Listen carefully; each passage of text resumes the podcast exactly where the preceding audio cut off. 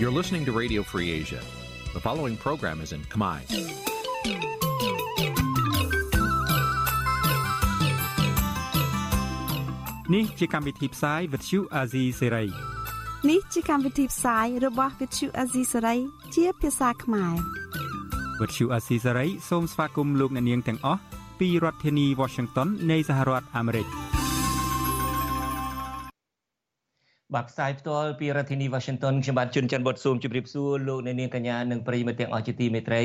បាទយើងខ្ញុំសូមជូនកម្មវិធីផ្សាយសម្រាប់រាត្រីថ្ងៃពុធ2កើតខែទុតិយាសាទ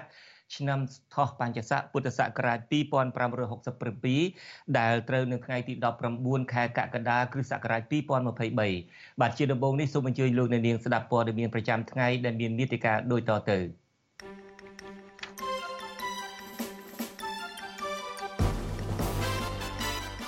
អ្នកឃ្លាំមើលសិទ្ធិមនុស្សអន្តរជាតិដាស់តឿនរដ្ឋាភិបាលកម្ពុជាឲ្យជប់គម្រាមកំហែងសកម្មជនបកប្រឆាំងនិងដោះលែងអ្នកទោសនយោបាយបុរដ្ឋខ្មែរនៅអូស្ត្រាលីហៅការបោះឆ្នោតថ្ងៃទី23កក្កដាថាជាការបោះឆ្នោតคล้ายคล้ายសាច់ញាតិកញ្ញាសេងធីរីថានឹងទៅសួរសុខទុក្ខនាងឆាប់ឆាប់គណៈកញ្ញាកំពុងធ្វើកោតកម្មបងអត់អាហារក្នុងពន្ធនាគារ តុលាការថៃសម្រេចព្យួរតំណែងតំណាងរាស្ត្ររបស់មេបកកៅខ្លៃដែលជាបេក្ខជននាយករដ្ឋមន្ត្រីរួមនឹងព័ត៌មានសំខាន់សំខាន់មួយចំនួនទៀត។បាទជាបន្តទៅទៀតនេះខ្ញុំបាទជួនចាត់បុតស៊ូមជូនព័ត៌មានទាំងនេះពិស្ដាបាទលោកនាងជាទីមេត្រីអង្គការឃ្លាំមើលសិទ្ធិមនុស្សអន្តរជាតិស្នើឲ្យរដ្ឋាភិបាលលោកហ៊ុនសែន បញ្ឈប់ការគំរាមកំហែងលើសកម្មជនគណៈបកភ្លើងទៀននិងទាមទារឲ្យដោះលែងអ្នកទោសនយោបាយជាបន្ទាន់ដែលកំពុងជាប់ឃុំក្រោមការចោទប្រកាន់ដោយគ្មានហេតុផលត្រឹមត្រូវនាយករងប្រចាំតំបន់អាស៊ីនៃអង្គការឃ្លាំមើលសិទ្ធិមនុស្សអន្តរជាតិ Human Rights Watch លោក Phil Robertson បញ្ជាក់នៅក្នុងសេចក្តីថ្លែងការណ៍នៅថ្ងៃទី19ខែកក្កដាថាបើទោះបីជាគណៈបកភ្លើងទៀន មិនត្រូវបានគេអនុញ្ញាតឲ្យចូលរួមក្នុងការបោះឆ្នោតជ្រើសតាំងតំណាងរាស្ត្រនៅថ្ងៃទី23ខែកក្កដាខាងមុខនេះក្តីរដ្ឋាភិបាលលោកហ៊ុនសែននៅតែមើលឃើញថាសកម្មជនគណៈបកភ្លើងទៀនបន្តគំរាមកំហែងទៅលើពួកគេ និងប្រើប្រាស់អំណាចបង្ក្រាបទៅលើពួកគេដោយរំលោភទៅលើគោលការណ៍សិទ្ធិមនុស្សនិងច្បាប់អន្តរជាតិសូមអញ្ជើញលោកអ្នកនាងរងចាំស្ដាប់សេចក្តីរាយការណ៍អំពីរឿងនេះដែលយើងនឹងចាក់ផ្សាយនាពេលបន្តិចទៀតនេះ កម្មវិធី Vithu Azizi ស្រីសម្រាប់ទូរស័ព្ទដៃអាចឲ្យលោកអ្នកនាង អានអត្ថបទទស្សនាវីដេអូនិងស្ដាប់ការផ្សាយផ្ទាល់ដោយឥតគិតថ្លៃនិងដោយគ្មានការរំខានដើម្បីអាននិងទស្សនាមេតិការថ្មីៗពី Vithu Azizi ស្រីលោកអ្នកនាងគ្រាន់តែចុចបាល់កម្មវិធីរបស់ Vithu Azizi Saray ដែលបានដំឡើងរួចរាល់លើទូរស័ព្ទដៃរបស់លោកអ្នកនាង ប្រសិនបើលោកអ្នកនាងចង់ស្ដាប់ការផ្សាយផ្ទាល់ឬការផ្សាយចាស់ចាស់សូមចុចលើប៊ូតុងរូប Vithu ដែលស្ថិតនៅផ្នែកខាងក្រោមនៃកម្មវិធីជាការស្រេច។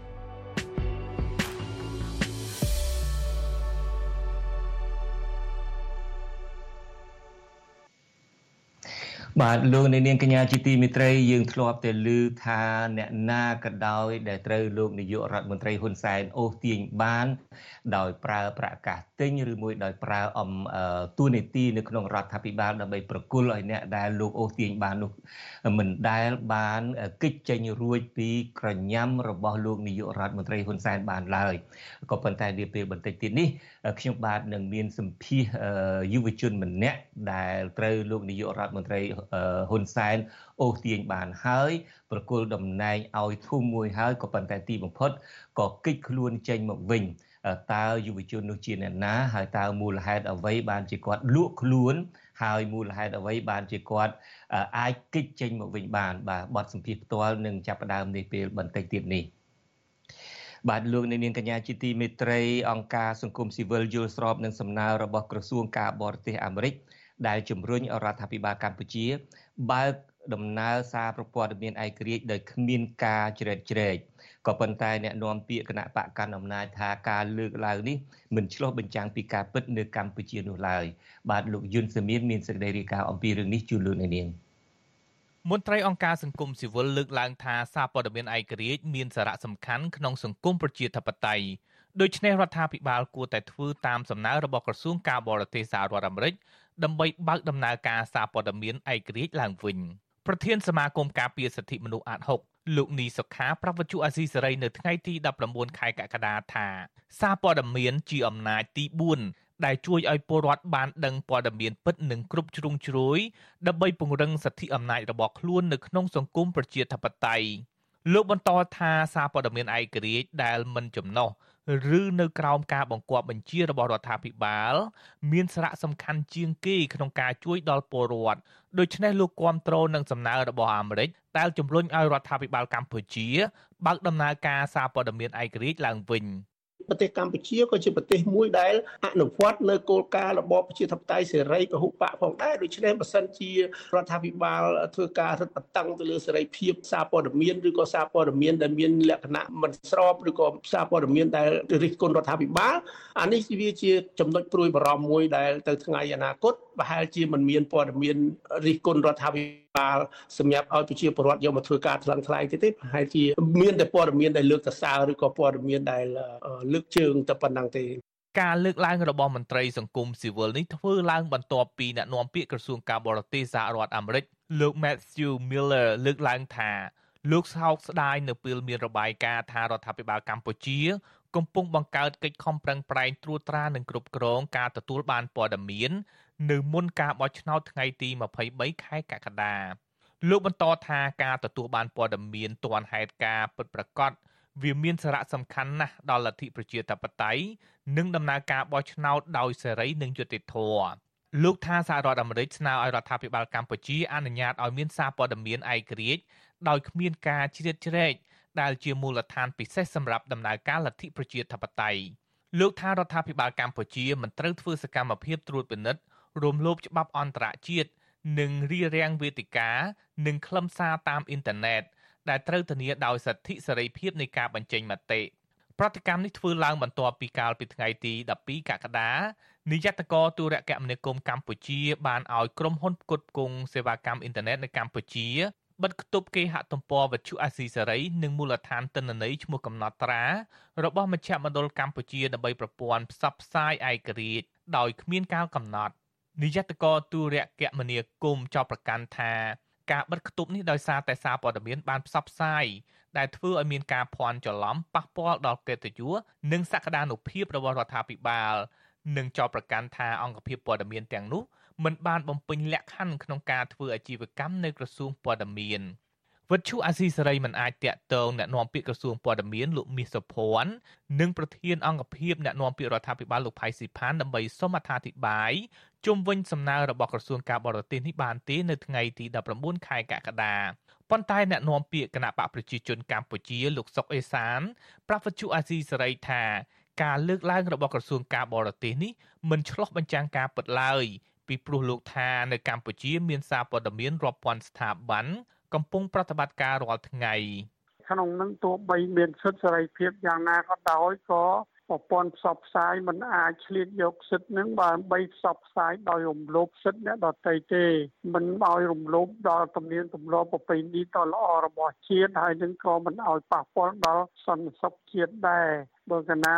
រំលោភលើព្រំដែនអាហ្នឹងគឺតើវាទៅទទួលខុសត្រូវចំពោះមុខច្បាប់ហើយ ទោះបីអ្នកនាំពាក្យគណៈបកប្រជាជនកម្ពុជាខំប្រឹងនិយាយការពីរដ្ឋាភិបាលឯកបកបែបនេះក្តី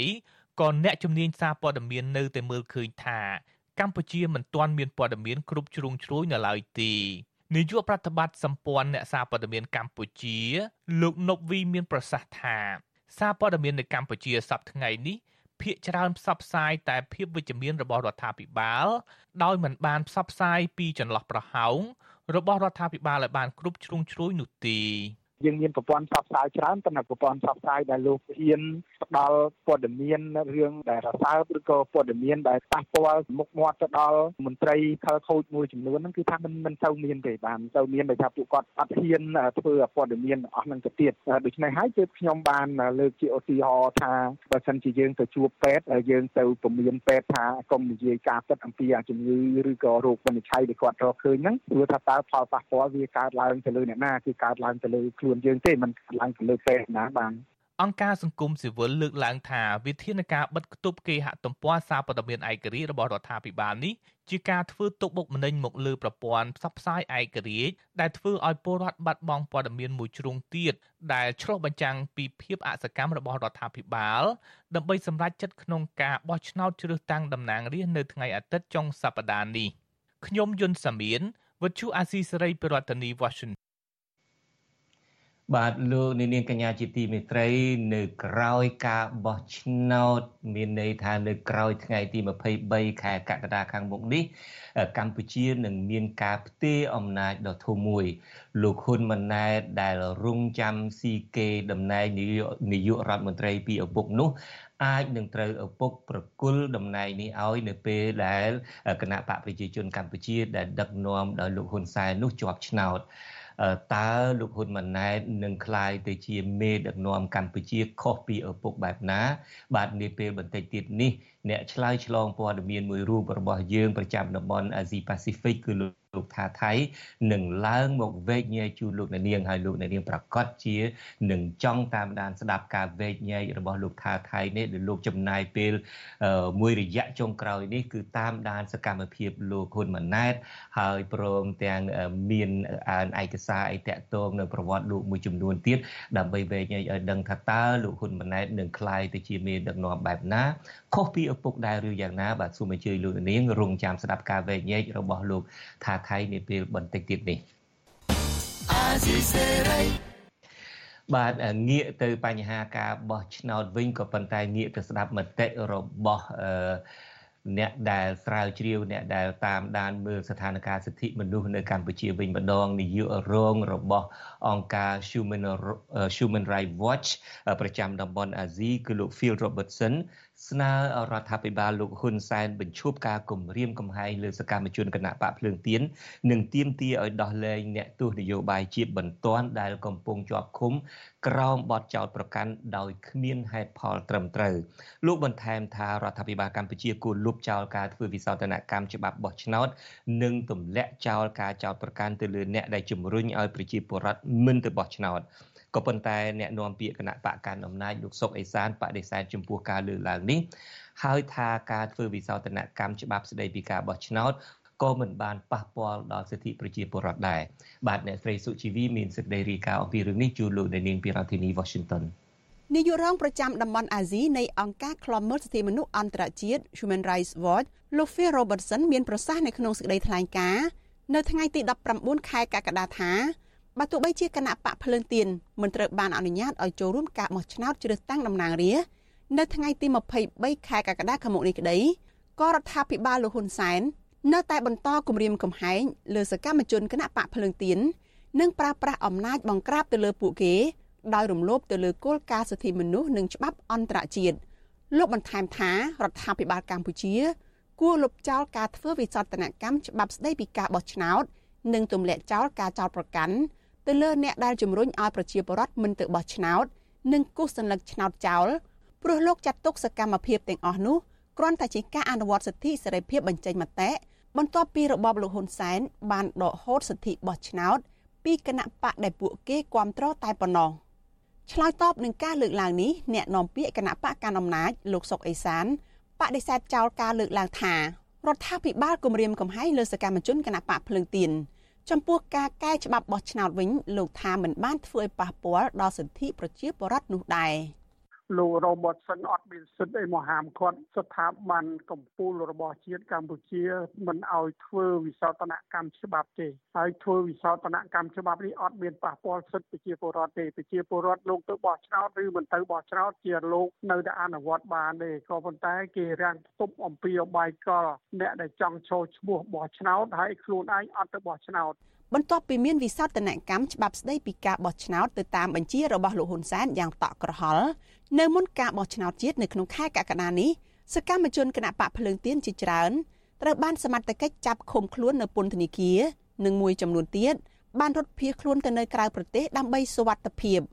ដោយឡែកកាលពីថ្ងៃទី17ខែកក្កដាគណៈកម្មាធិការជាតិរៀបចំការបោះឆ្នោតកោជបក៏បានសម្រេចលុបឈ្មោះប្រធានស្ដីទីគណៈបកសង្គ្រោះជាតិលោកសំរេស៊ីនិងសកម្មជនគណៈបកប្រឆាំង16នាក់ផ្សេងទៀត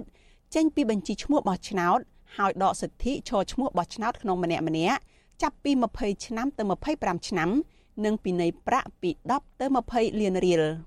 ជុំវិញរឿងនេះអ្នកនាំពាក្យគណៈបកភ្លើងទៀនលោកគឹមសួរភិរិទ្ធយល់ឃើញថា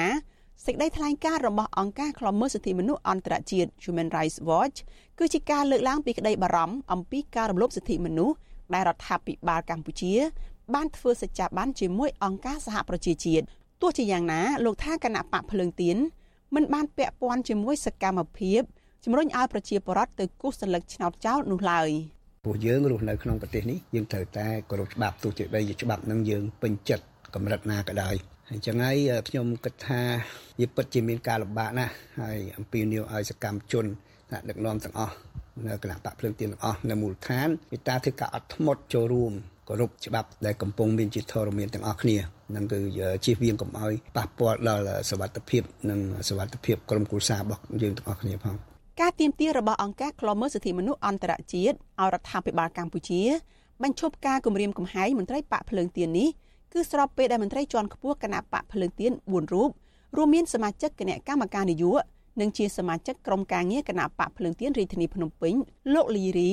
ប្រធានស្ដីទីគណៈកម្មការប្រតិបត្តិរាជធានីភ្នំពេញលោកប៊ុនខេតប្រធានប្រតិបត្តិគណៈបកភ្លើងទៀនខេត្តត្បូងឃ្មុំលោកអេងស្រួយនិងប្រធានចលនាស្ត្រីថ្នាក់ជាតិគណៈបកភ្លើងទៀនអ្នកស្រីវងរនីត្រូវបានអាជ្ញាធរចាប់ឃុំខ្លួនទាំងអយុធធរដោយចោទប្រកាន់ពាក់ព័ន្ធនឹងការញុះញង់ឲ្យពលរដ្ឋបំផ្លាញសัญลักษณ์ឆ្នោតប៉ុន្តែគណៈបកភ្លើងទៀនច្រានចោលចំពោះការចោទប្រកាន់នេះនឹងបានទាមទារឲ្យតុលាការ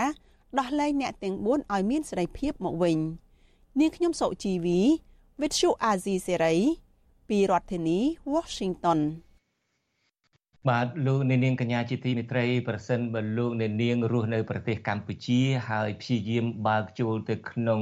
គេហទំព័ររបស់ Vithu Azizi Saray ក៏ប៉ុន្តែលោកអ្នកនាងអត់អាចបើកចូលបាន នេះក៏មកពីរបបលោកហ៊ុនសែននៅក្រុងភ្នំពេញនឹងបានបញ្ជាឲ្យក្រុមហ៊ុនអ៊ីនធឺណិតបិទគេហទំព័ររបស់ Azizi Saray ក៏ប៉ុន្តែបិទតែគេហទំព័រទេប្រសិនបើលោកអ្នកនាងចង់ស្ដាប់ការផ្សាយរបស់ Azizi Saray លោកអ្នកនាងនៅតែអាចស្ដាប់ការផ្សាយរបស់យើងបានតាមរយៈ កម្មវិធីនៅលើទូរស័ព្ទដៃបាទកម្មវិធីនៅលើទូរស័ព្ទដៃបើសិនជាលោកចូលទៅក្នុងលោកអ្នកនាងចូលទៅក្នុង website មិនបានទេ កម្មវិធីនៅលើទូរស័ព្ទដៃមានដូចជា Facebook ឬ YouTube ឬ Telegram លោកអ្នកនាងនឹងអាចនៅតែបន្តស្ដាប់បានហើយជាពិសេសទៅទៀតនោះការងាយស្រួលមែនតើនោះគឺចូលទៅក្នុង download RFA app ដែលមាននៅក្នុង Play Store ក៏មាននៅក្នុងប្រព័ន្ធ iPhone iPhone Store ក៏មាន ហើយក្រៅពីនេះលោកអ្នកនាងក៏អាច scan QR code នេះដែលយើងដាក់នៅលើអេក្រង់នេះលោកអ្នកនាងអាចនឹងស្ដាប់ឬអានវិទ្យុអាស៊ីសេរីបាន ដោយគ្រាន់តែ scan នៅលើ QR code នេះហើយនឹងចូលទៅរក app របស់អាស៊ីសេរីដោយវាយពាក្យថា AFA ខ្មែរនៅក្នុងដូចខ្ញុំបានបានជម្រាបនៅក្នុង Apple Store ឬមួយក្នុង Play Store ហើយ app នេះអាចអនុញ្ញាតឲ្យលោកអ្នកនាងស្ដាប់ការផ្សាយផ្ទាល់ក៏បាន ការផ្សាយរបស់យើងចាស់ចាស់ក៏បានឬមួយអានព័ត៌មានក៏បានបាទបាទប្រសិនបើលោកអ្នកនាងមានបញ្ហាស្ដាប់តាមប្រព័ន្ធផ្សេងផ្សេងគឺ App Store Apple app របស់អាស៊ីសេរីនៅលើ ទូរស័ព្ទដៃនេះបង្កការងាយស្រួលជូនលោកអ្នកនាងបាទសូមអញ្ជើញលោកអ្នកនាងកុំភ្លេច download app របស់អាស៊ីសេរីនេះបាទសូមអរគុណបាទលោកនាងកញ្ញាជាទីមេត្រីជាបន្តទៅទៀតនេះយើងនឹងមានដកស្រង់មតិទស្សនៈយោបល់របស់អ្នកប្រើប្រាស់បណ្ដាញសង្គម Facebook រិះគន់មន្ត្រីគណៈបកកាន់អំណាច និងមន្ត្រីក្នុងជួររដ្ឋាភិបាលភាគច្រើនដែលកំពុងតែមមាញឹកខ្លាំងមែនទែនក្នុងការចុះជួបប្រជាពលរដ្ឋនៅពេលជិតបោះឆ្នោតហើយពួកគេថាឲ្យទៅចិត្តពេលបោះឆ្នោតនឹងគឺថាមានមុខសកម្មរហូតក៏ប៉ុន្តែក្រោយ5ឆ្នាំមកក៏ស្ងាត់បាត់ឈឹងទៅ ពួកគេមើលឃើញទៀតថាការចុះជួបប្រជាពលរដ្ឋតាមផ្ទះ រយៈពេល5ឆ្នាំម្ដងនេះគ្មានអ្វីជូនប្រជាពលរដ្ឋក្រៅតែពីការបង្ខិតបង្ខំពលរដ្ឋឲ្យបោះឆ្នោតឲ្យពួកគេ និងបង្រៀនឲ្យគូសន្លឹកឆ្នោតឲ្យចាំដៃត្រង់រូបសញ្ញារបស់គណៈបកពួកគេតែប៉ុណ្ណោះដោយមិនខ្វល់ពីពលរដ្ឋគ្មានអង្គច្រកឆ្នាំងគ្មានលុយឲ្យកូនទៅរៀនមានចំនួនដីធ្លីដោះស្រាយមិនចេញឬវិបត្តិគ្មានការងារធ្វើគ្មានចំណូលប្រចាំថ្ងៃដើម្បីដោះបំណុលធនាគារនោះឡើយ បាទយើងប្រគល់នីតិនេះជូនលោកសេកបណ្ឌិតរាយការណ៍ជូនលោកអ្នកនាងអំពីមតិយោបល់របស់អ្នកប្រើប្រាស់បណ្ដាញសង្គមជុំវិញរឿងនេះដូចតទៅបាទលោកអ្នកនាងកញ្ញាជាទីមេត្រី អ្នកប្រើប្រាស់បណ្ដាញសង្គមជាច្រើន បាននាំគ្នាផ្ដោតលើទស្សនវិជ្ជាសង្គមនិងស្ថានភាពនយោបាយនៅមុនការបោះឆ្នោតជាតិមកដល់គឺនៅថ្ងៃទី23ខែកក្កដាខាងមុខនេះក្នុងអំឡុងពេលនេះពួកគាត់មើលឃើញថា មន្ត្រីបកកាន់អំណាច សកម្មក្នុងការចុះជួបប្រជាពលរដ្ឋតាមខ្នងផ្ទះទាំងថ្ងៃទាំងយប់រហូតបង្រៀនឲ្យគូសសន្លឹកឆ្នោតដល់ក្នុងមុខដេកពេលយប់និងតាមវាលស្រែដែលពលរដ្ឋកំពុងដកស្ទូចទៀតផងម្ចាស់ករណី Facebook មួយដាក់ឈ្មោះថាសនសុភ័ក្របានសរសេរអមដោយរូបភាពផងថា មិនធម្មតាក្រមការងារគណៈបកប្រជាជនកម្ពុជាចុះមូលដ្ឋានភូមិត្រពាំងក្អែក សង្កាត់វាលពងក្រុងឧដុង្គម៉ាយជ័យខេត្តកំពង់ស្ពឺចុះបង្រៀនគូសសញ្ញាឆ្នោតដល់ក្នុងមុងតែម្ដង ពួកគាត់សរសេរបែបចំអកឲ្យទស្សនវិជ្ជាបែបនេះថាសូមអរគុណចំពោះការខិតខំមួយនេះចំណែកម្ចាស់កេរនី Facebook មួយទៀតដាក់ឈ្មោះថារិនរតបានសរសេរអមដោយរូបភាពក្រុមការងារគណៈបកប្រជាជនកម្ពុជា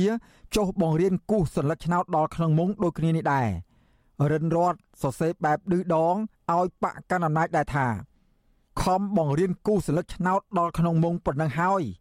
បើនាំគ្នាគូសសញ្ញាឆ្នោតខ្វែងចោលទៀតនោះអញមិនដឹងបង្រៀនយ៉ាងម៉េចទៀតទេវើយអាដែងមេមេពេញលេងហើយធីមយើងដោយឡែកម្ចាស់កេរនី Facebook មួយផ្សេងទៀតឈ្មោះមេងស៊ីមក៏បានចាប់អារម្មណ៍លើសកម្មភាពបង្រៀនគូសសញ្ញាឆ្នោតដល់ក្នុងមុងនេះដែរក៏ប៉ុន្តែ គេបានផុសរូបភាព សកម្មជនគណៈបកកណ្ដាលអំណាចចុះបង្រៀនគូសសញ្ញាឆ្នោតដល់ពលរដ្ឋនៅតាមវាលស្រែខណៈកសិករកំពុងដកស្ទូងស្រូវនារដូវវស្សានេះមេងស៊ីមបានសរសេរចំអកឲ្យគណៈបកកាន់អំណាចដែរថា ធ្វើអញ្ចឹងបានទៀត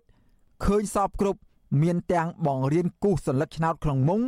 ខ្លាចមិនបានឈ្នះមែនមិនបាច់បង្រៀនគេក៏បាក់យើងឈ្នះដែរកុំប្រឹងពេកខាតលុយជាតិខ្លាំងណាស់ ដោយឡែកម្ចាស់កេរនី Facebook មួយចំនួនផ្សេងទៀតក៏បញ្ចេញទស្សនៈស្រដៀងគ្នានេះដែរជុំវិញការបោះឆ្នោតអាណត្តិនេះពួកគាត់ចេះតែស្រមៃថា បើសកម្មភាពបែបនេះកុំគ្រាន់តែបង្រៀនប្រជាពលរដ្ឋឲ្យត្រឹមតែចេះគូសសញ្ញាឆ្នោតឲ្យខ្លួន គឺត្រូវចេះគិតគូរដោះស្រាយបញ្ហាប្រឈមរបស់ប្រជាពលរដ្ឋដែលកំពុងជួបប្រទះសពថ្ងៃនេះមិនដឹងជាពួកគាត់សប្បាយចិត្តយ៉ាងណាទេពួកគាត់ថា បើមន្ត្រីចុះបង្រៀនកសិករឲ្យសកម្មដោយចុះបង្រៀនគូសលឹកឆ្នោតនេះកសិករមិនចាំបាច់ធ្វើចំណាក់ស្រុកទៅរកការងារធ្វើនៅប្រទេសគេនោះទេឆ្លើយតបនឹងការលើកឡើងយ៉ាងដូចនេះម្ចាស់កេរនីឈ្មោះសាន់ស៊ីថាស៊ីមបញ្ចេញទស្សនៈថា ដោយសារប្រយោជន៍របស់គេ មួយអាណត្តិចុះសួរសុកទុកម្ដង មួយអាណត្តិឈូសឆាយផ្លូវឲ្យម្ដង គ្រប់យ៉ាងគឺមិនមែនធ្វើដើម្បីប្រជាពលរដ្ឋទេ គឺដើម្បីបកនិងសន្លឹកឆ្នោតតែមួយគត់បានឆ្លើយតបនឹងរឿងនេះម្ចាស់កេរនី Facebook ឈ្មោះជីវិតចុងភៅបានសរសេរខមមិនតបថាគាត់ចេះតែជំនាញគូសន្លឹកឆ្នោតទេ បើរឿងដាំបន្លែនិងរឿងជំនាញផ្សេងផ្សេងទៀតនោះមិនចេះទេរីឯម្ចាស់កេរនី Facebook មួយឈ្មោះសុភាសាន់បានបញ្ចេញទស្សនៈអមដោយរូបភាព មានសកម្មជនគណៈបកការអំណាចជាច្រើនចុះបង្រៀនគូសសញ្ញាឆ្នោតដល់ផ្ទះសុភាសានបានសរសេរថាបើមកទាំងវងអញ្ចឹង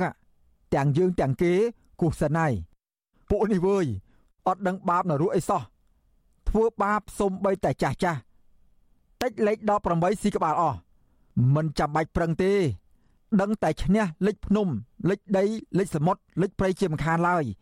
បើប្រកួតតែឯងនោះ ស្របពេលជាមួយគ្នានេះដែរម្ចាស់ករណី Facebook ឈ្មោះជីវិតកូនខ្មែរ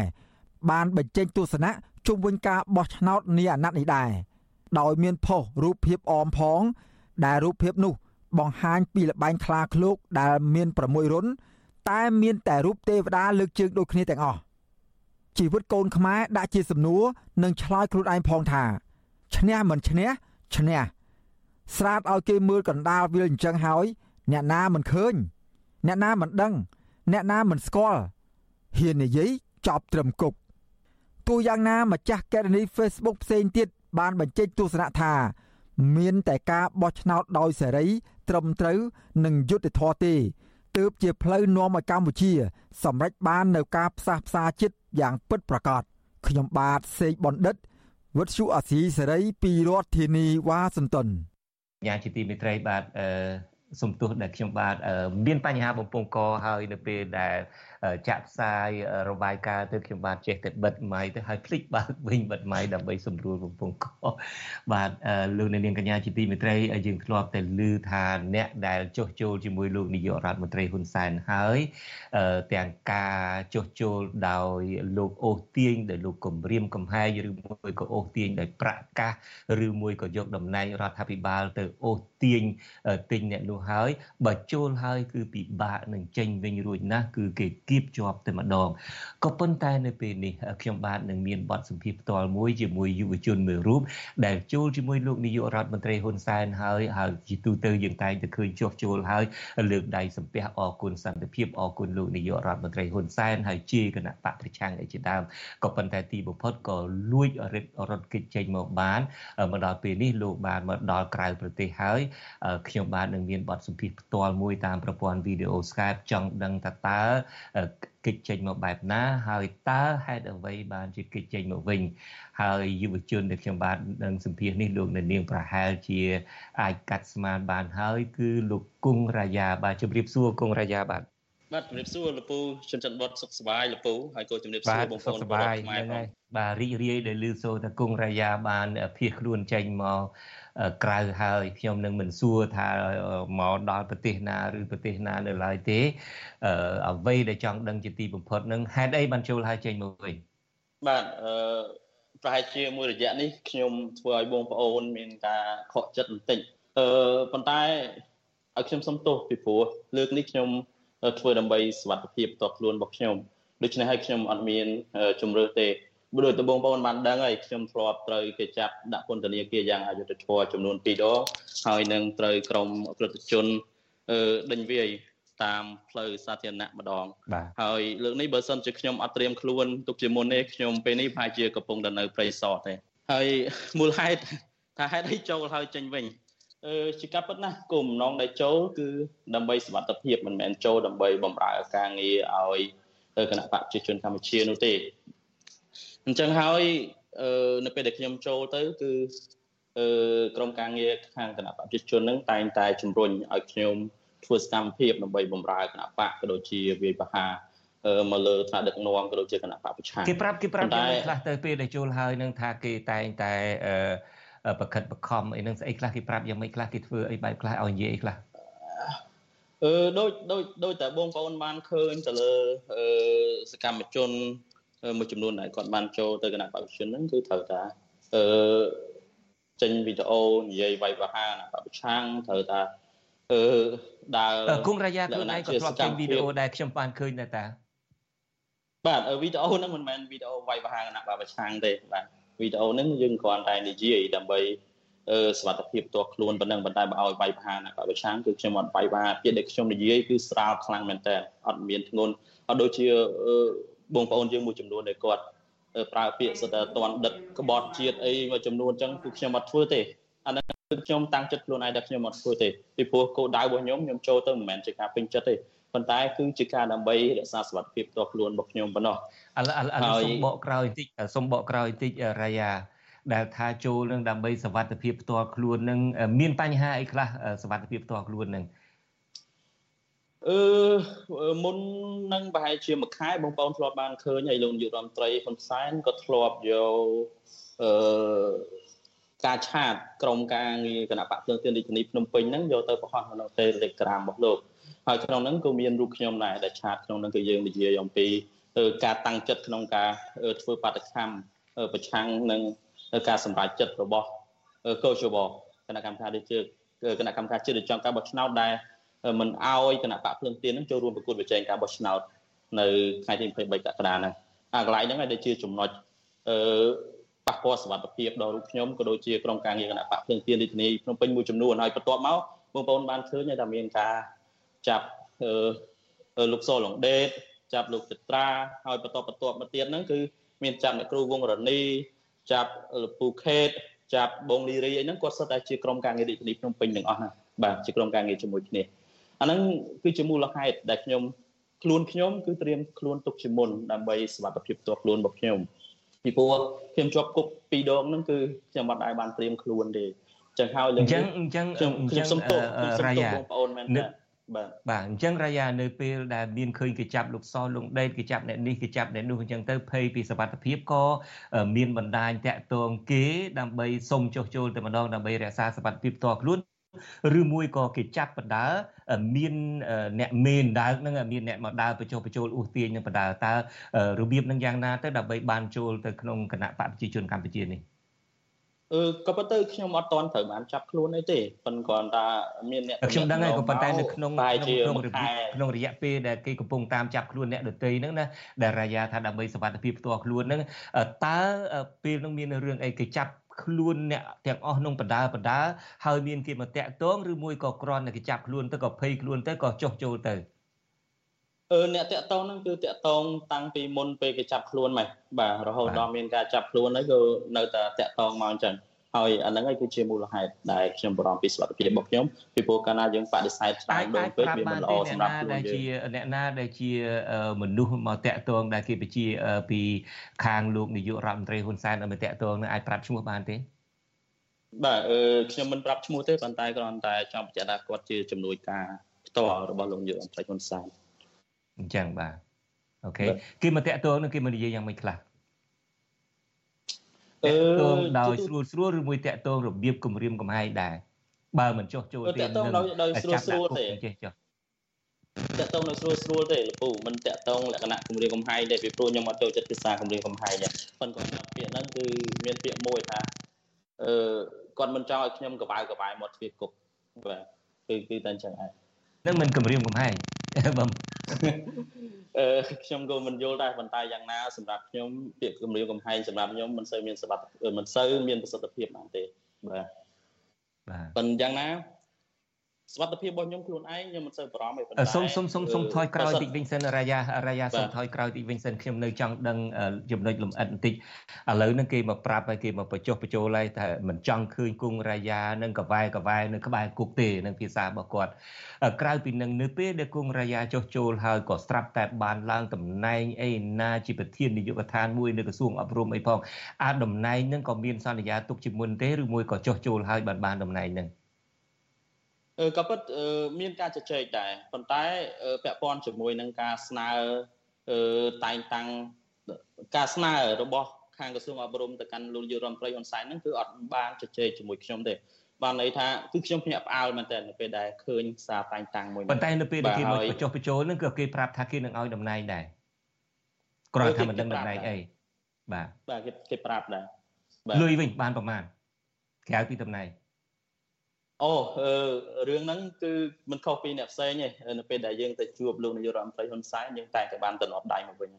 ជាធម្មតាប្រហែលដែរបានប្រហែលដែរក្រៅដែរទេខ្ញុំអឺអាចថាច្រើនដែរសម្រាប់ខ្ញុំខ្ញុំសូមមិនបញ្ជាក់ចំនួនទេបាទអញ្ចឹងអាចយកមកដោះស្រាយជីវភាពអីបានដែរដូច្នេះជួបទៅជួបហើយទៅជួបលោកហ៊ុនសែនហើយលើកដៃសំពះហើយបានទៅចប់នឹងក្រាស់ក្រែលដែរគាត់ថាមិនចង់ប្រាប់ប៉ុន្តែក្រាស់ក្រែលដែរបាទបាទ បាទបាទអឺឥឡូវនិយាយពីរឿងទៅជួបលោកហ៊ុនសែនវិញអ្នកខ្លះថាស្អប់ស្អប់លោកហ៊ុនសែនអញ្ចឹងនៅពេលដែលជួបលោកហ៊ុនសែននឹងគឺឃើញអាអាអាមហិទ្ធិឫទ្ធិរបស់គាត់នឹងឃើញអីនឹងគឺទុនដៃទុនជើងហើយជឿជាក់ចាប់ដើមស្រឡាញ់សម្ដេចពុកវិញចុះតើពេលដែលគង់រាជាដែលធ្លាប់តែរិះគន់លោកនាយករដ្ឋមន្ត្រីហ៊ុនសែនរហូតដល់គេចាត់ថាអ្នកធ្វើបដិវត្តពណ៌កំពុងនៅរៀននៅឡើយចាប់ដាក់គុកនឹងអឺគង់រាជាមិនមានអឺ អារម្មណ៍ល្អមិនមានគំនិតល្អចំពោះលោកនាយកមិនគិតថាលោកនាយករដ្ឋមន្ត្រីហ៊ុនសែនមនុស្សល្អប៉ុណ្ណាទេចុះពេលដែលទៅជួបផ្ទាល់ហើយហើយទទួលកញ្ចប់លុយបានក្រាស់ក្រែលដែរហើយហ្នឹងមើលឃើញលោកហ៊ុនសែនយ៉ាងណាដែលពេលនោះមិនមែនពេលនេះទេពេលនោះពេលទៅជួបហើយព្រាមហ្នឹងអឺក៏ប៉ុន្តែយើងទៅក្នុងនាមជាអ្នកចោះចូលអញ្ចឹងបើនិយាយអំពីការជជែកយើងត្រូវតែទុនភ្លុនខ្លាំងមែនតើយើងមិនអាចទៅដល់ជជែកចរចាយកភាពស្មើគ្នាបានទេអានឹងគឺរបៀបអ្នកចោះចូលហើយនិងអ្នកចរចា នៅពិធីផ្សេងគ្នាអឺមួយវិញទៀតសម្រាប់ទស្សនៈរបស់ខ្ញុំខ្ញុំយល់ថាលោកនាយករដ្ឋមន្ត្រីហ៊ុនសែនគាត់មានជំនាញខ្លាំងខាងដឹកនាំគណៈបញ្ញយោបាយប៉ុន្តែគាត់ខ្សោយក្នុងការដឹកនាំប្រទេសជាតិបាទការដឹកនាំគណៈបញ្ញយោបាយរបស់គាត់គឺរឹងមាំគឺខ្លាំងប៉ុន្តែការដឹកនាំប្រទេសជាតិគឺមានភាពទន់ខ្សោយអានឹងគឺជាចំណុចដែលខ្ញុំបានសង្កេតឃើញហើយក៏ពិតខ្ញុំគ្រប់គ្រងមួយចំណុចគឺ ខ្ញុំគ្រប់គ្រងឲ្យមេដឹកនាំគណៈបញ្ញយោបាយជួបជជែកគ្នាផ្ទាល់ខ្ញុំឃើញថានៅពេលដែលយើងទៅជួបជាមួយនឹងសម្ដេចយុរដ្ឋមន្ត្រីហ៊ុនសែននិយាយពីភាពទន់ភ្លន់របស់គាត់គាត់មានភាពទន់ភ្លន់ខ្លាំងជាមួយនឹងអ្នកដែលទៅជួបសម្ដែងការកុសលមិនថាមកពីគណៈបពប្រឆាំងឬក៏គណៈបកណាទេគឺគាត់មានភាពទន់ភ្លន់ខ្លាំងមែនតើអញ្ចឹងសារដែរអ្នកទាំងអស់គ្នាសរសើរចេញពីទ្រូងរបស់គាត់ដែរទេឬមួយក៏សម្ដែងចេញពីទ្រូងរបស់គាត់ដែរទេអាភាពទន់ភ្លន់របស់គាត់នឹង ខ្ញុំយល់ថានេះគឺជាហេតុផលនយោបាយច្រើនជាងប៉ុន្តែយ៉ាងណាក្នុងនាមជាមេដឹកនាំគណៈបកនយោបាយចំណុចហ្នឹងគឺល្អមែនតើខ្ញុំឃើញគាត់បើកចិត្តទូលាយបាទចិត្តគាត់គឺបើកទូលាយខ្លាំងហើយគាត់ចេះចេះយកចេះកេងចំណេញយកផលប្រយោជន៍ពីនយោបាយទាំងអស់ហ្នឹងបាទអញ្ចឹងហើយទើបធ្វើឲ្យអ្នកផ្សេងទៀតគាត់នឹងបន្តចូលរួមជាមួយនឹងគណៈបកប្រជាជនហើយ និយាយពីសុំសុំបកក្រោយសុំបកក្រោយតិចរាយាដែលហេតុថារាយាគឺជាមនុស្សទី1ហើយដែលបានទៅជួបលោកហ៊ុនសែនចុះចូលហើយចេញមកវិញនេះហេតុអីរាយានៅតែមិនហ៊ាននិយាយការពិតដែលដោយអុកខ្ញុំសួរថាតើគេឲ្យលុយប្រមាណនឹងមានហេតុផលអីដែលត្រូវលាក់កំបាំងបើហ៊ានប៉ុណ្ណេះហើយអឺខ្ញុំខ្ញុំយល់ថាចំណុចហ្នឹងគឺជាការផ្ដោតតម្លៃឲ្យគ្នាខ្ញុំមិនចង់ជជែកទេដោយសារថា អឺមិនស័កសមក្នុងការនិយាយបាទអឺបើគិតពីរឿងមិនស័កសមបើមិនស័កសមយកលុយគេហើយហើយអឺដាក់កប៉ៅហើយមិនដឹងយកទៅធ្វើអីខ្លះហើយហើយទីបំផុតនឹងរត់គេងពីគេមកវិញគឺជាការមិនស័កសមដែរតារាយ៉ាបើគិតពីរឿងស័កសមឬស័កសមខ្ញុំខ្ញុំមិនយល់ថារឿងហ្នឹងស័កសមឯខ្ញុំទទួលស្គាល់រឿងហ្នឹងក៏មិនស័កសមដែរប៉ុន្តែ គឺខ្ញុំអត់មានជំរឿសទេពីព្រោះខ្ញុំមិនអាចបង្ខំចិត្តក្នុងការធ្វើការងារដែលខ្ញុំមិនពេញចិត្តបានទេហើយជាការពិតដូចខ្ញុំបានលើកឡើងពីមុនអញ្ចឹងគឺគោលដៅសំខាន់បំផុតគឺធ្វើដើម្បីសวัสดิភាពផ្ទាល់ខ្លួនរបស់ខ្ញុំខ្ញុំចូលទៅគណៈបព្វជិជនគឺមិនមានគោលដៅបំរើផលប្រយោជន៍គណៈបព្វជិជនទេទោះបីជាខ្ញុំគោរពសិទ្ធិសេរីភាពនយោបាយរបស់អឺបងប្អូនដតីទៀតក៏ដោយប៉ុន្តែ ទោះបីជាយ៉ាងណាពួកខ្ញុំខ្លួនឯងនៅតែអឺមិនពេញចិត្តនឹងក្នុងការបម្រើការងារឲ្យគណៈបព្វជិជនដែរបាទអូខេឥឡូវទៅជួបលោកហ៊ុនសែនហើយឲ្យទៅចាប់លុយហើយបន្ទាប់មកទៀតតើអ្នកណាអ្នកគ្រប់គ្រងរាយាដើម្បីឲ្យនិយាយចេះនិយាយចេះតើគេគ្រប់គ្រងបែបណាគេឲ្យចេញសារនឹងបែបណាហើយសារណាខ្លះដែលគេបខំឲ្យរាយាបញ្ចេញនឹងហើយរាយាមិនព្រមបញ្ចេញនឹងអឺក៏ប៉ុន្តែ នៅពេលដែលខ្ញុំចូលទៅនឹងគឺក៏គេប្រាប់ឲ្យយើងនិយាយពីអឺចំណុចផ្សោយច្រើនរបស់គណៈបកប្រឆាំងនិយាយអឺត្រូវតែប្រមាថលោកសំរងស៊ីអីជាដើមអញ្ចឹងទៅត្រូវតែសើសម្ដេចអញ្ចឹងទៅប៉ុន្តែចំណុចមួយគឺខ្ញុំអត់ប្រមាថលោកសំរងស៊ីទេដោយសារតែខ្ញុំយល់ថាអឺខ្ញុំមិនទាន់គិតថាមានជនជាតិខ្មែរណាម្នាក់ជាជនក្បត់ជាតិនៅឡើយទេ អញ្ចឹងហើយគឺខ្ញុំអត់ប្រមាថលោកសំរងស៊ីដាច់ខាតមកអឺមួយវិញទៀតនៅតាំង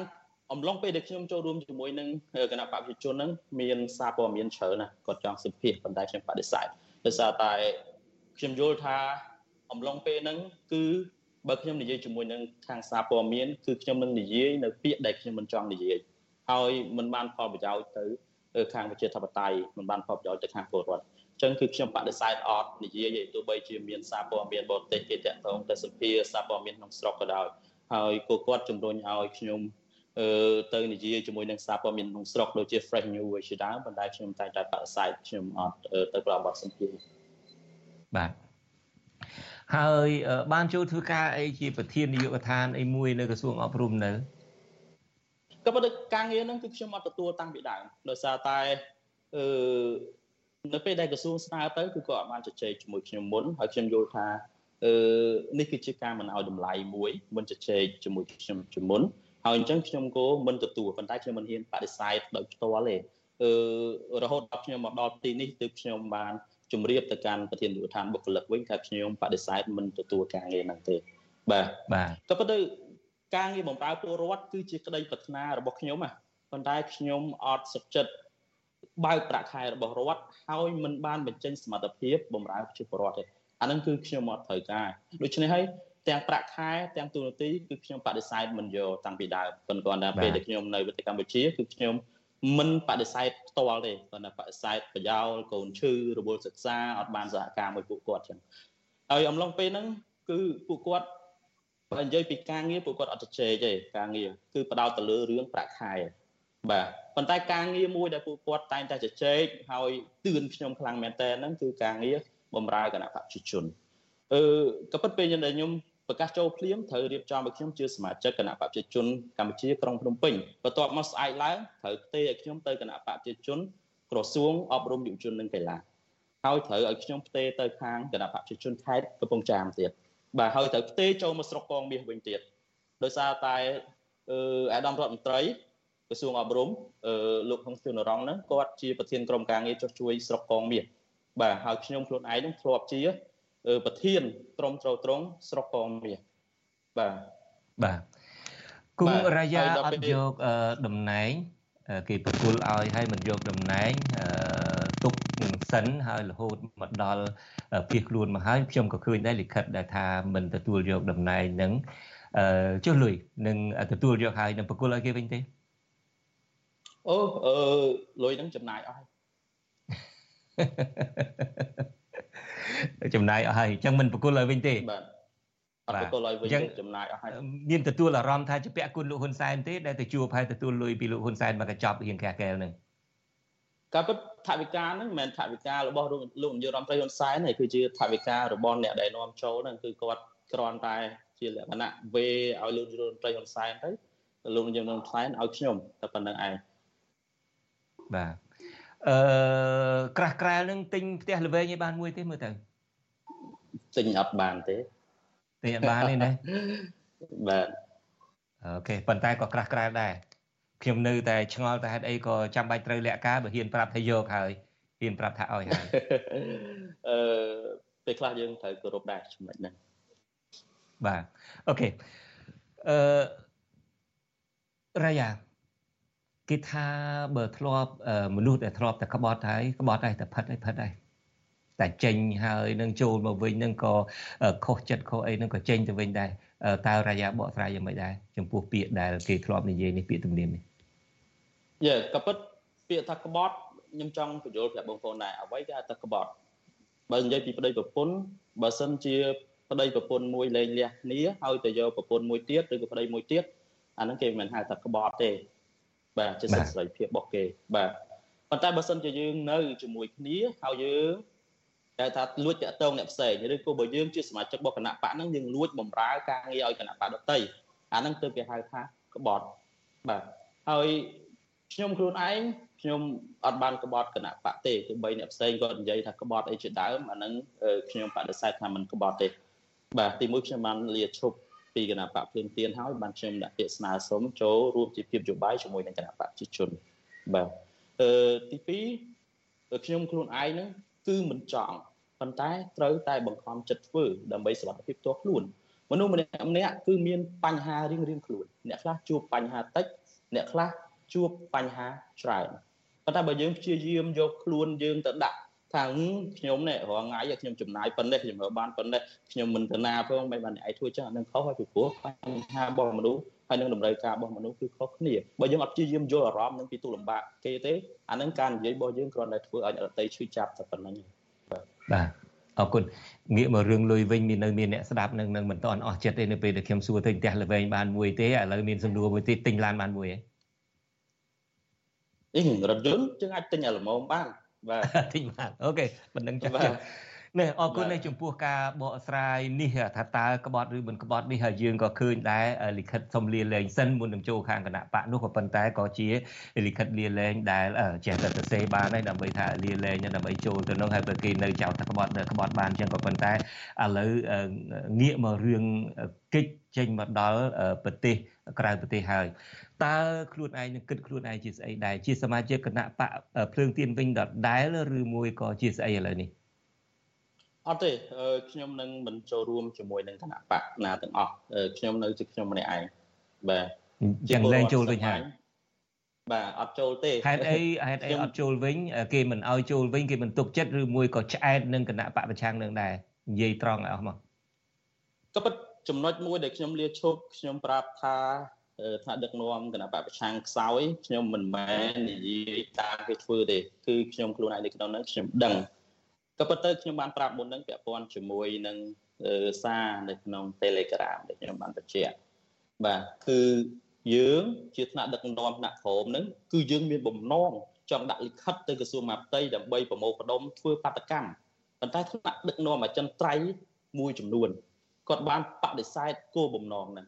បាទដែលមាន ក្រមប្រធានក្រមការងារអឺ តាមខេត្តទូទាំង25រាជធានីខេត្តរួមទាំងអចិន្ត្រៃយ៍មួយចំនួនហើយនឹងអឺខាងគណៈកម្មការនយោបាយផងគឺយើងបានស្រោះស្រួលគ្នាក្នុងការព្រមព្រៀងដាក់លិខិតទៅក្រសួងមហាផ្ទៃដើម្បីធ្វើបាតកម្មហើយប៉ុន្តែមានអចិន្ត្រៃយ៍ខ្លះដែលគាត់មានអធិបុលខ្លាំងគាត់ចូលមកបដិសេធហើយធ្វើការបដិសេធទៅសាធារណៈទៀតកំហុសកន្លែងនេះគឺកំហុសធំហ่ะប៉ុន្តែអត់មានអ្នកណាហ៊ានរិះគន់គាត់ទេពីព្រោះខ្លាចអធិបុលដែរប៉ុន្តែខ្ញុំហ៊ាននៅក្នុងក្រុមគណៈកម្មការនយោបាយខ្ញុំហ៊ានរិះគន់គាត់ចំចំ បាទខ្ញុំមិនខ្លាចទេពីព្រោះនេះជាជាកំហុសខ្លាំងមែនទែនដែលធ្វើឲ្យគណៈបកប្រឆាំងខ្សោយមកដល់ឥឡូវនេះជាយុទ្ធសាស្ត្ររបស់គណៈបកប្រជាជនបើគេអាចទប់យើងមិនអោយធ្វើបាតកម្មប្រឆាំងនឹងការសម្ដែងរបស់កោជបបាន គេនឹងបន្តរំលាយគណៈបករឿងទៀនទៀតអញ្ចឹងហើយអ្វីដែលយើងគិតគឺយើងត្រូវធ្វើខ្លួនយើងឲ្យខ្លាំងប៉ុន្តែយើងខ្សោយពីដំបូងហើយបន្តខ្សោយទៀតឥឡូវនេះ ចាប់ផ្ដើមបន្តចាប់ថ្នាក់ដឹកនាំគណៈបកភ្លើងទៀនជាច្រើនអ្នកទៀតអញ្ចឹងសួរថាតើគណៈបកភ្លើងទៀននឹងមានវាសនាដូចមិនគឺប្រវត្តិនិយាយមែនតើបាទដោយសារតែខ្ញុំបានចេញពីគណៈបកហើយខ្ញុំក៏មិនចង់កកកកាយច្រើនណាស់ប៉ុន្តែអ្វីដែលខ្ញុំចង់ផ្ដាំទៅថ្នាក់ដឹកនាំគណៈបកភ្លើងទៀនបើយើងចូលជាធ្វើនយោបាយយើងគួរតែធ្វើឲ្យខ្លាំងបាទគុំធ្វើឲ្យនៅតែស្ពះអរគុណគេទៀតបាទបើយើងតាំងខ្លួនជាគូប្រកួតរបស់គណៈបកកណ្ដាលអំណាច បើគេវាយវិញយើងបើគេវាយយើងយើងគួរតែហ៊ានតដៃមិនមែននៅពេលដែលគេវាយហើយយើងបែរជាស្ពះអរគុណគេទេហើយរឿងហ្នឹងគឺអត់ត្រឹមត្រូវសោះតែម្ដងបាទបាទអឺខ្ញុំស្ដាប់បានចំពោះការដែលមានការអអន់សុពន្ធចិត្តហើយមានការខ្វែងគំនិតគ្នាក្នុងការដឹកនាំនៃគណៈបកប្រឆាំងនឹងក៏ប៉ុន្តែតើគ្រាន់តែមានការខ្វះខ្វែងគំនិតគ្នា ហើយសុកចិត្តដើរចេញចឹងទៅ មានជំរឿសអីទៀតដែរសម្រាប់ប្រជាពលរដ្ឋខ្មែរពេលនេះក្រៅពីគណៈបកភ្លើងទៀនតើយើងអាចគួរនៅធ្វើការជាមួយគ្នានឹងបានទេធ្វើត្បិតតែដូចយើងធ្លាប់និយាយចឹងសូម្បីតែបរិយាជាក្រុងអង្គរដែលល្បីល្បាញហ្នឹងក៏បានឆ្លាក់នៅផ្ទាំងគោសមុទ្រទឹកដោះនឹងឲ្យយើងបានឃើញដែរដើម្បីឲ្យយើងបានយល់ថាទុកតែ មានការមិនពេញចិត្តគ្នាបែបណាក៏ដោយចុះនៅខាងក្រមសភាវៈល្អសភាវៈអាក្រក់អីក៏ដោយចុះក៏ទីបំផុតទៅទម្លាក់ចោលនៅ ផលប្រយោជន៍រៀងរៀងខ្លួនទម្លាក់ចោលនៅគំនុំរៀងរៀងខ្លួនដើម្បីចាប់ដៃគ្នាពួតដៃគ្នាគោសមុទ្រទឹកដោះយកទឹកអមរិតដើម្បីយកមកប្រោះព្រំសัตว์លោកអីជាដើមហើយចុះបើគ្រាន់តែមានការខ្វែងគំនិតគ្នាអីនៅក្នុងគណៈបកហ្នឹងទីបំផុតក៏សុកចិត្តថាចូលក្រោមការគៀបសង្កត់អីដទៃទៀតនឹងសុកចិត្តចូលជាមួយលោកហ៊ុនសែនឥឡូវបកមកវិញហេតុអីក៏មិនចូលរួមក្នុងគណៈបកប្រឆាំងនឹងវិញឬមួយក៏គេមិនឲ្យចូលហើយហើយនៅបន្តនៅខាងក្រៅរិះគន់ទៀតទៅឬមួយយ៉ាងម៉េចបាទអឺការពិតមូលហេតុដែលចេញការអអន់សពុនចិត្តហ្នឹងវាមានតែ20%ទេប៉ុន្តែសុខភាពខ្លួនឯងគឺ80%អាហ្នឹងគឺសំខាន់ជាងគេគឺសុខភាពហ្នឹងពីព្រោះគឺខ្ញុំដឹងនៅពេលដែលខ្ញុំជាប់គុកលើកទី1មិនមានបញ្ហាអីទេដោយសារតែខ្ញុំមិនទាន់មានប្រពន្ធកូន ប៉ុន្តែជាប់គុកលើកទី2ប្រពន្ធខ្ញុំគឺពិបាកខ្លាំងមែនតើរហូតដល់ខ្ញុំរត់ចេញមកថៃគាត់មានវិបត្តិផ្លូវចិត្តធ្ងន់ធ្ងរបាទអញ្ចឹងហើយ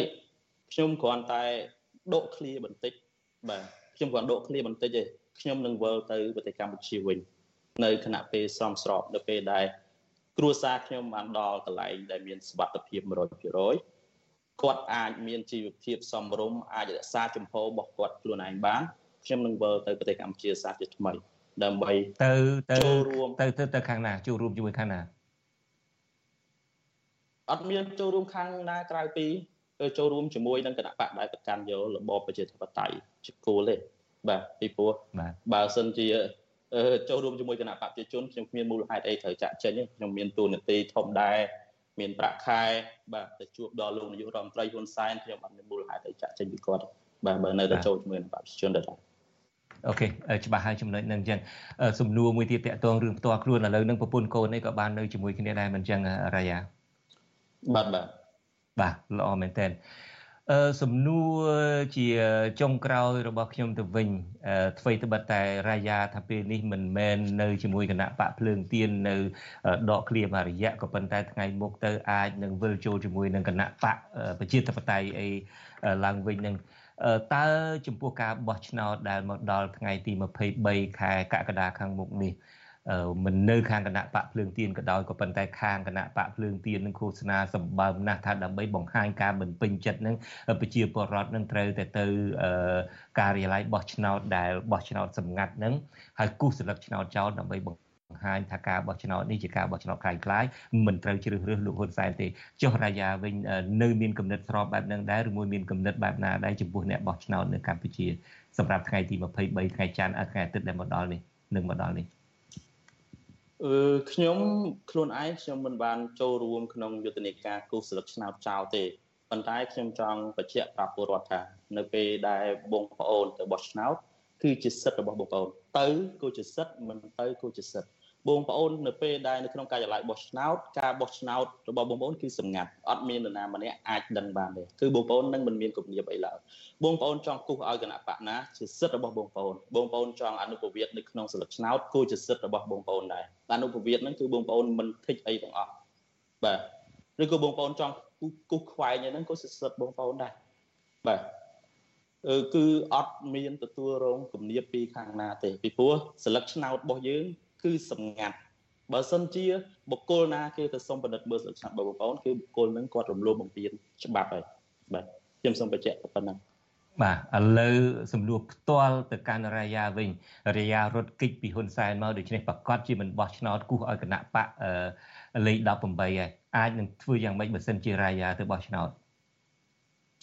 ក៏ប៉ុន្តែខ្ញុំអត់មានគោលបំណងទៅបោះឆ្នោតទេបាទហើយបើសិនជាខ្ញុំទៅបោះឆ្នោតគឺខ្ញុំអត់មានគូសឲ្យគណៈបកណាដែរ បាទអញ្ចឹងទុកចំហចោលដើម្បីចាត់ទុកថាជាស្លឹកឆ្នោតអត់បានការបាទគឺជាការតាំងចិត្តរបស់ខ្ញុំតាំងពីដើមមកបាទទោះបីជាខ្ញុំធ្លាប់និយាយថាបោះឆ្នោតឲ្យគណៈបកកម្ពុជាក៏ដោយប៉ុន្តែវាជាការនិយាយដោយបខំចិត្ត បាទអរគុណរាយាដែលបានបកស្រាយនេះហើយខ្ញុំជឿថាអ្នកដែលស្ដាប់នឹងប្រកាសជាយល់បានរាយាបានប្រាប់ថាការដែលមិនពេញចិត្តការខ្វែងមតិគ្នាចំពោះការគ្រោងធ្វើបាតកម្មអីនៅក្នុងគណៈបកភ្លើងទៀននឹងការមិនពេញចិត្តនឹងតែម្ដុំ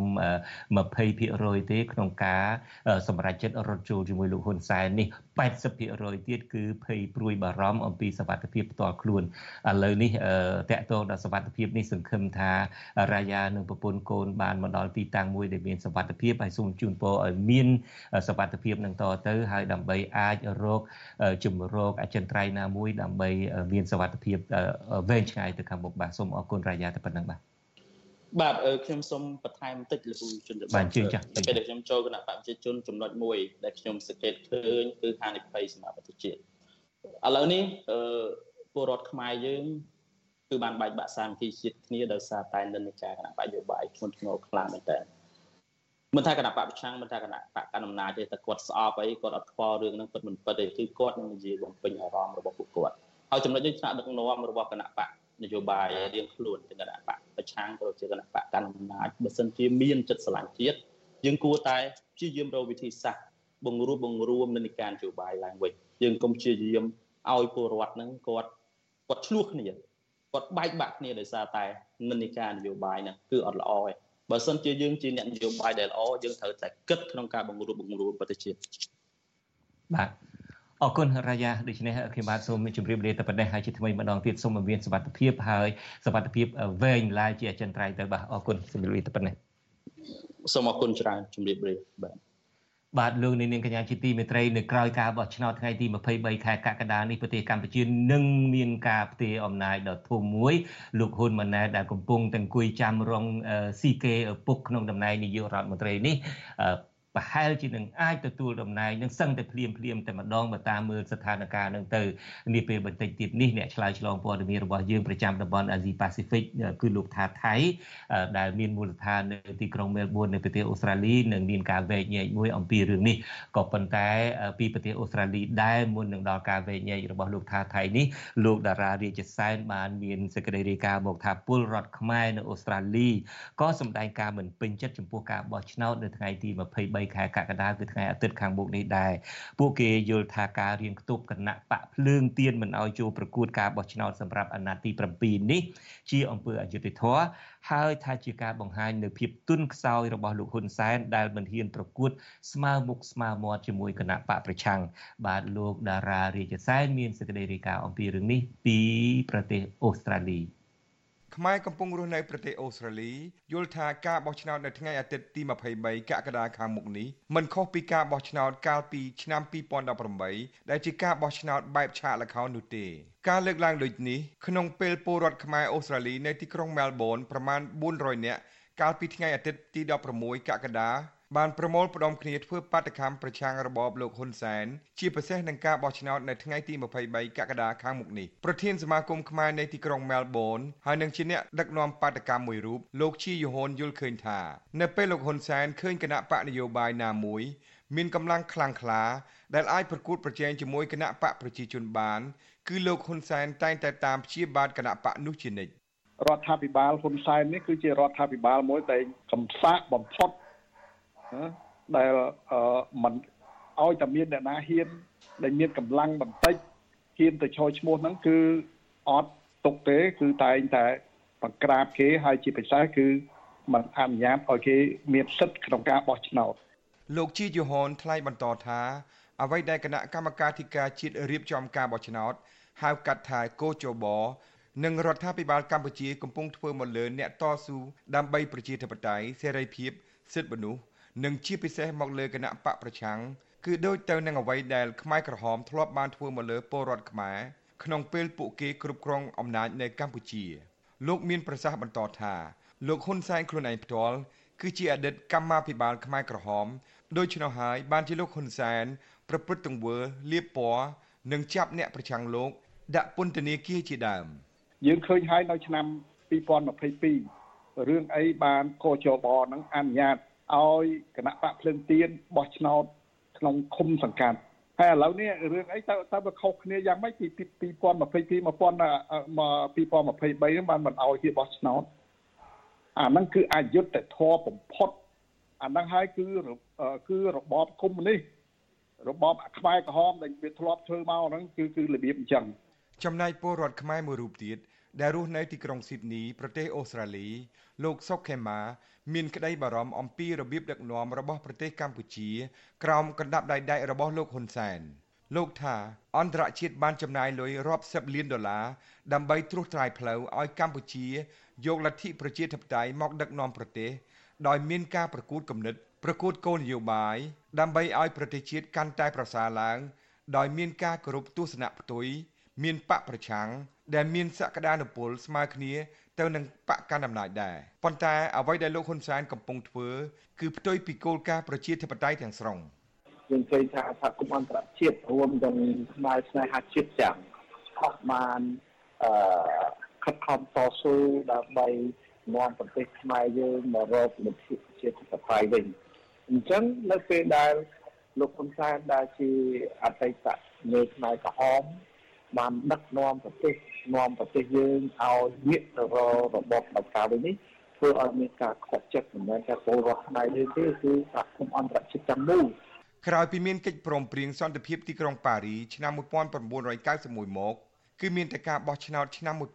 1993រៀបចំដោយអង្គការសហប្រជាជាតិមួយគត់ដែលពលរដ្ឋខ្មែរជាទូទៅ និងសហគមន៍អន្តរជាតិទទួលស្គាល់ថាសេរីនិងយុត្តិធម៌ វិទ្យុអាស៊ីសេរីមិនអាចតាក់ទងប្រធានអង្គភិបអ្នកណែនាំពាក្យរាជរដ្ឋាភិបាលកម្ពុជា លោកផៃស៊ីផាន និងអ្នកណែនាំពាក្យគណៈបកប្រជាជនកម្ពុជា លោកសុកអេសាន ដើម្បីឆ្លើយតបចំពោះការលើកឡើងរបស់ពលរដ្ឋខ្មែរនៅប្រទេសអូស្ត្រាលីនេះបានទេគិតត្រឹមថ្ងៃទី19ខែកក្កដាទោះជាយ៉ាងណា នៅក្នុងការប្រមូលផ្តុំការតវ៉ានៅថ្ងៃទី16កក្កដា ប្រធានសមាគមខ្មែរនៃទីក្រុងមែលប៊នប្រទេសអូស្ត្រាលីលោកជាយ៉ូហនបានអំពាវនាវដល់រាជរដ្ឋាភិបាលអូស្ត្រាលីដែលជាហត្ថលេខីនៃកិច្ចព្រមព្រៀងសន្តិភាពទីក្រុងប៉ារីយកចិត្តទុកដាក់ចំពោះការវិវត្តស្ថានភាពនយោបាយនៅកម្ពុជា ជាពិសេសចំពោះលទ្ធិប្រជាធិបតេយ្យដែលរបបលោកហ៊ុនសែនកំពុងតែជន់ឈីខ្ញុំដារ៉ារាជសែន With you Azizi Serai ទីក្រុង Adelaide